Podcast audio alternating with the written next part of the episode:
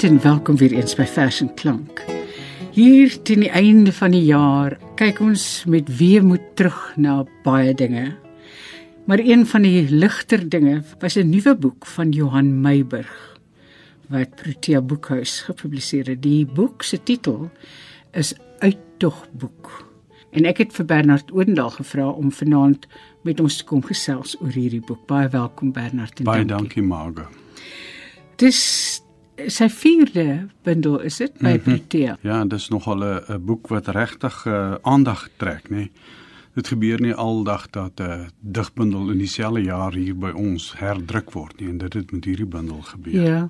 Soos jy nou gesê het, sy vierde digbundel en die bundels uh kom elke keer omtrent 10 jaar na mekaar. Daar verloop byna elke keer 'n dekade tussen die vier bundels. Hy is duidelik nie iemand wat haastig is om te publiseer nie. Uh die wins daarvan is dat jy 'n sterk stygende lyn in die gehalte van die gedigte sien.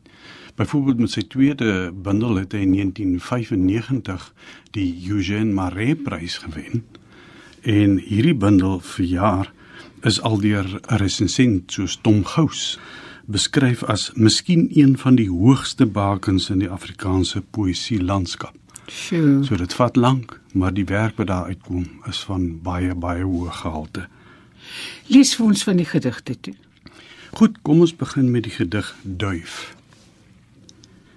Sonder vlugopnemer en met geen bestek, geen aanduiding van beplande aankoms en vertrek lê die duif stokstyf onder die linker luik.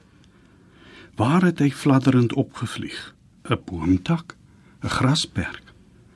Was hy al goed op dreef, suurlik aantmik na 'n skreef tussen twee soliede mure, poort na oop lug, 'n windbuks vrye oord waar slie huiskatte nie in tuine skuil nie, 'n deurgang na vrye en ononderbroke vlug. In daardie laaste breukdeel van 'n flits.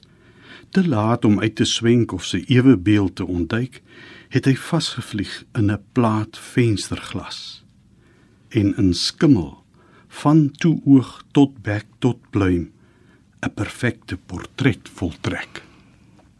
Die dood, sterflikheid is belangrik hierso in in meer van die gedigte nê. Nee. Korrek, die bundeltitel sê dit eintlik al nê, nee. uittogboek, 'n uh, 'n soort boek oor die voorbereiding op 'n aardse vertrek.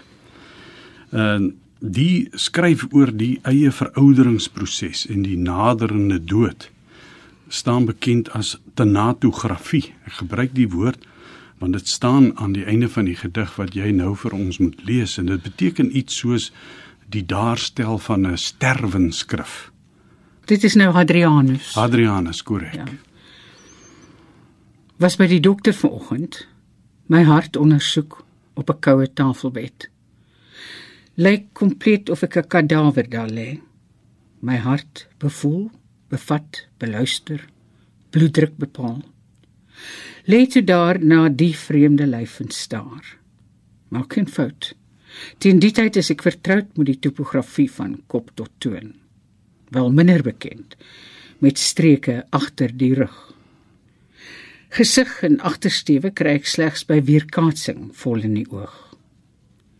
Die vel wat vlekke kry, nerf wat dunner word en kreukel. Al die jare in die buitelug het 'n merk gelaat. Wat ek nie sien nie, kan ek voel. Haar begin uit ore groei Ek sweer ek verloor my neus. Niks ruik meer so intens soos vroeër. My mond is dikwels droog. Ek het meer moeite met die regteroog as met die linker. Ek hou by, maar met minder flinker tred. Ek sal nie verdrink nie soos voorspel. Dit reken die moontlikheid minstens uit. Ek leef nie meer so roekeloos nie. Nie meer as om in die land te woon nie. Voorsorg tref ek wel. Nee, my dood sal die toedoen wees van die lyf wat my aan die keel gryp, wurg tot ek blou is, nou strop trek.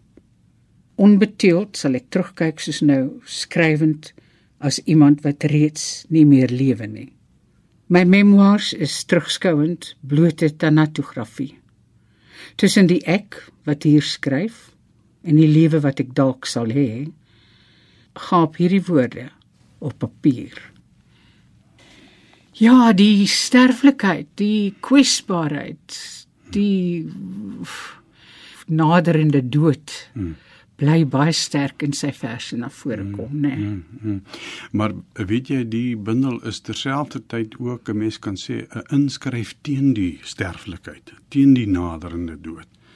Die digterlike skryfaktiwiteit is op 'n manier vir Meiburg 'n uh, uitweg op die verganklikheidspad as ek dit so mag stel.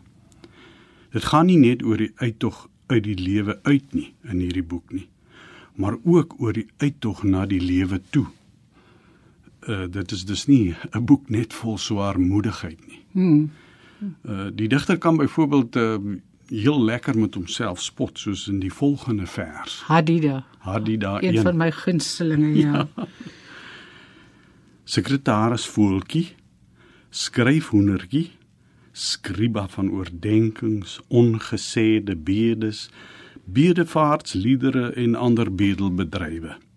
Agent van thought pik pik oor my grasperk oënskynlik afgetrokke. Ek weet jy memoriseer wat jy my hoor sê en dink. Dikwels so bizar dat jy opskater en op my nok dit alles uitgaan skyt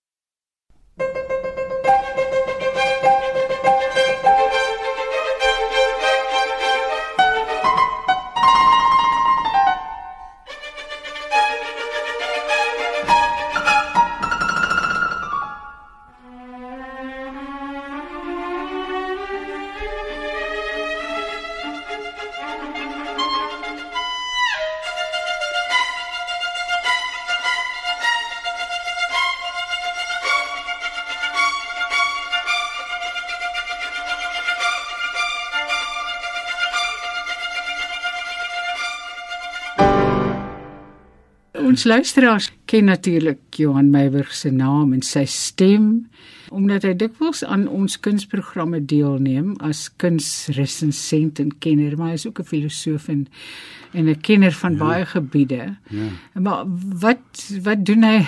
Ja. Wat doen hy bedags? Ja. Kyk, hy was vroeër 'n predikant in Oos-London. En uh, maar hy het hom daarna 'n uh, eh, ook verdiep in vakgebiede soos die uh, filosofie en die sielkunde en natuurlik soos jy gesê het in die beeldende kunste veral.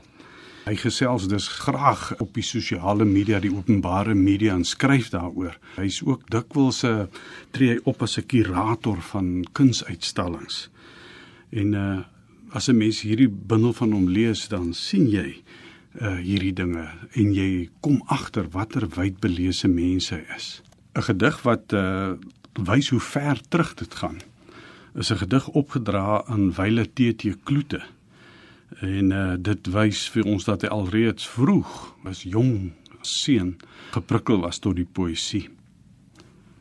Reitsstraat, Potchefstroom vir TT Kloete. Sommige somers as jy jou blou Valiant pak en see toe verkas met jou Anna en Kroos het ek 'n oog oor jou tuin moes hou teen verdroging en vir ingeval 'n jong tuin is broos as reën wegbly in Desember. Van oorkant die straat het ek toe nog 'n skoolier gesien hoe jy perke laat spit buitelyne beplan en beddings vul met struike verlower verblom vergeur. Gesien hoe jy rankers voorlopig stut met riet Gaandeweg het ek patrone begin snap dat sipresse net in pare alleenheid oorleef. Dat die pompom van 'n blomperske net uit kaal takke kartetse kleur kan skiet. Dat die lente benewens in die koper ook blom in die dweperige pers van die ydel tamarisk. In die tuin het ek begryp hoe vingers groen kan vroetel hoe oog en oor en neus die taal van tuin kan lees. Na jou voorbeeld het ek groenigheid begin troetel en algaande woord vir woord aan die groei gekry. Later selfs ryme jasmiin, lelie, iris, roos aangelê. My verloor in kwatryne. Sedertdien swemel ek steeds oor die boeket van tuine en die toorkrag van 'n rymende eindkouplet. Bernard, hoekom verbeel ek my dat ek hierdie vers al van tevore gelees het? Ja, weet jy, ek dink dit het op vers en daba verskyn. Ah, Maar voor dit was dit deel van 'n 'n 'n tydskrif uitgawe van die tydskrif vir geesteswetenskappe wat 'n huldigingsnommer was vir TT Kloete. Daarin het ek die gedig die eerste keer gesien. Hy is nie net 'n ywerige leser nie, soos ons nou wel deeglik agtergekom het. Hy reis ook graag. As 'n mens deur uittogboek lees, dan kom jy agter dat hy veral 'n sagte plekkie het vir die Mediterrane wêreld.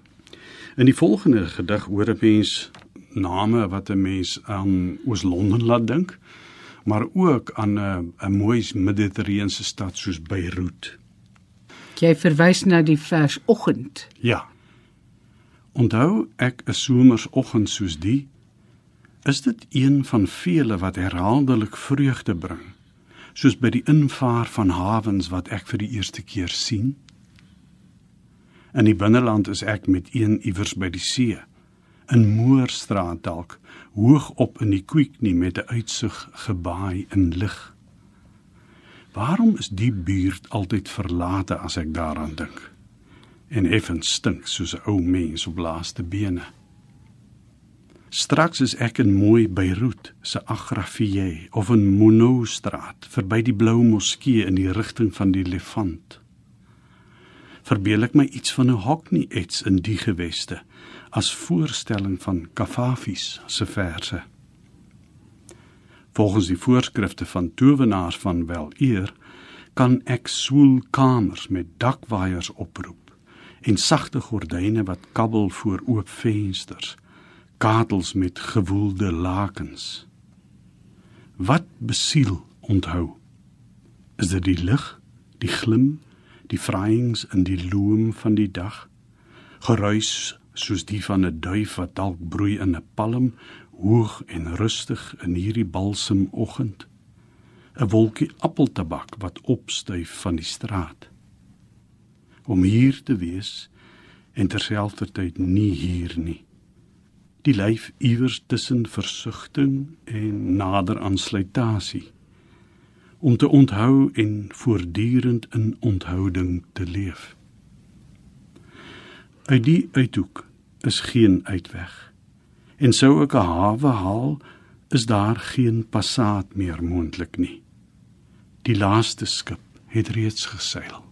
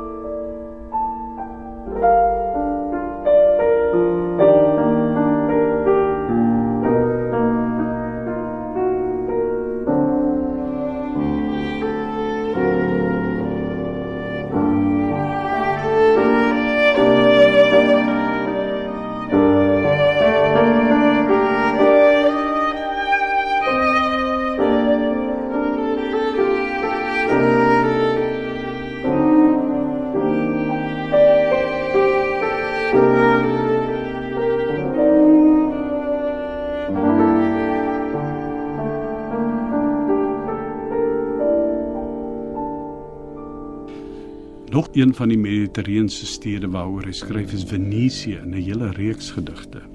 Venesië 1 klink soos volg: Ek ronk jou teen skemer binne, por por kanaal op en proe terstond hoe taal op my tong veruit tot verlede tyd tot verlede deelwoorde soos ingedryfde drooggelegde gestapelde gestelte hoor bo kan die vaporetto se geraas en die volgstroom gor uit talle oorde antieke klokke beier. Hoe fyn uurwerk deur die eeue skel jou tyd markeer. Insulêr in jou eie gewrig is jy tydloos soos 'n borsspeld gesteek aan die lapel van die see trots met glimmende stene vergaar in die loop van 'n duisend jaar immer was jy mateloos gesteld op verbygaande glorie op alles wat jy in en uit kon voer amfibies tussen terra en terra firma op jou drassige moeras soos wat jy tans middelklas toeriste lok verduur en as vreemdelinge wegstuur. Moeg gestaar na fasades, deur dig op die water, saamgeflans uit style van Byzantyns tot barok. Van meet af voel ek vreemd genoeg tuis hier en terselfdertyd so anakronisties ontheemd.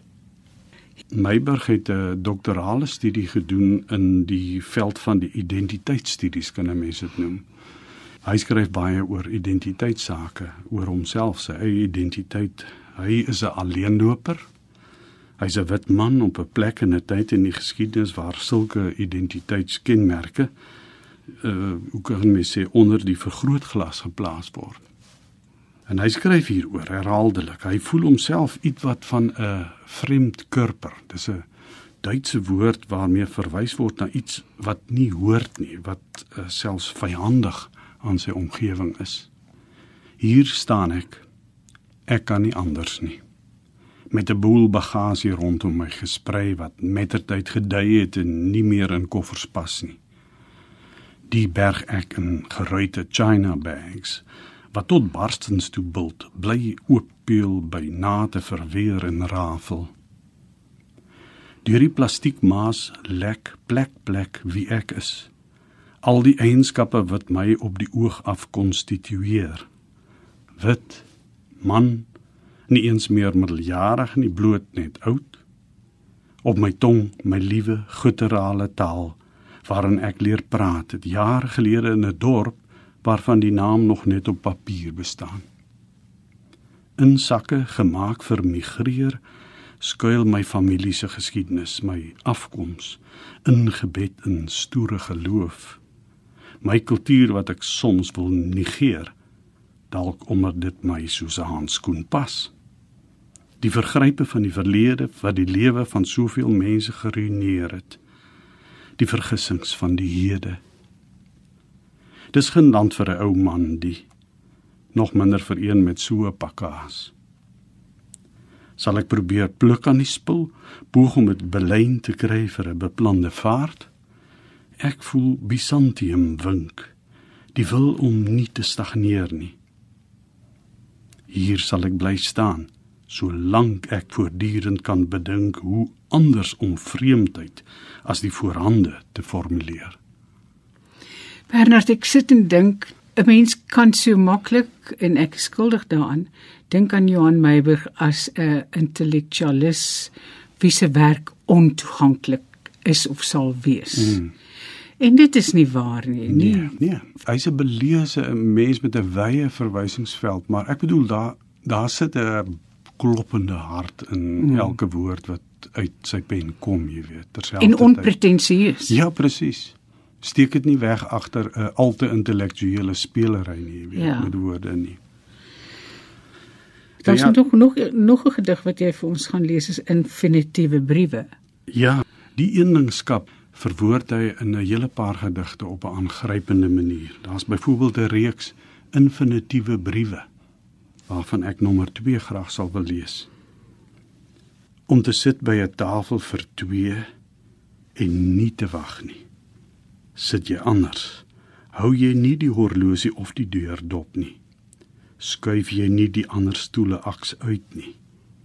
Sit jy afgetrokke in gedagte 'n eiland. Wag jy alleen by tafel vir twee, voorsien jy nie 'n misverstand oor tyd en plek nie. Eien jy niemand as bekend nie. Om alleen te wag by 'n tafel vir twee is om afstand te doen van vermeende sekerheid, delirium om te juig.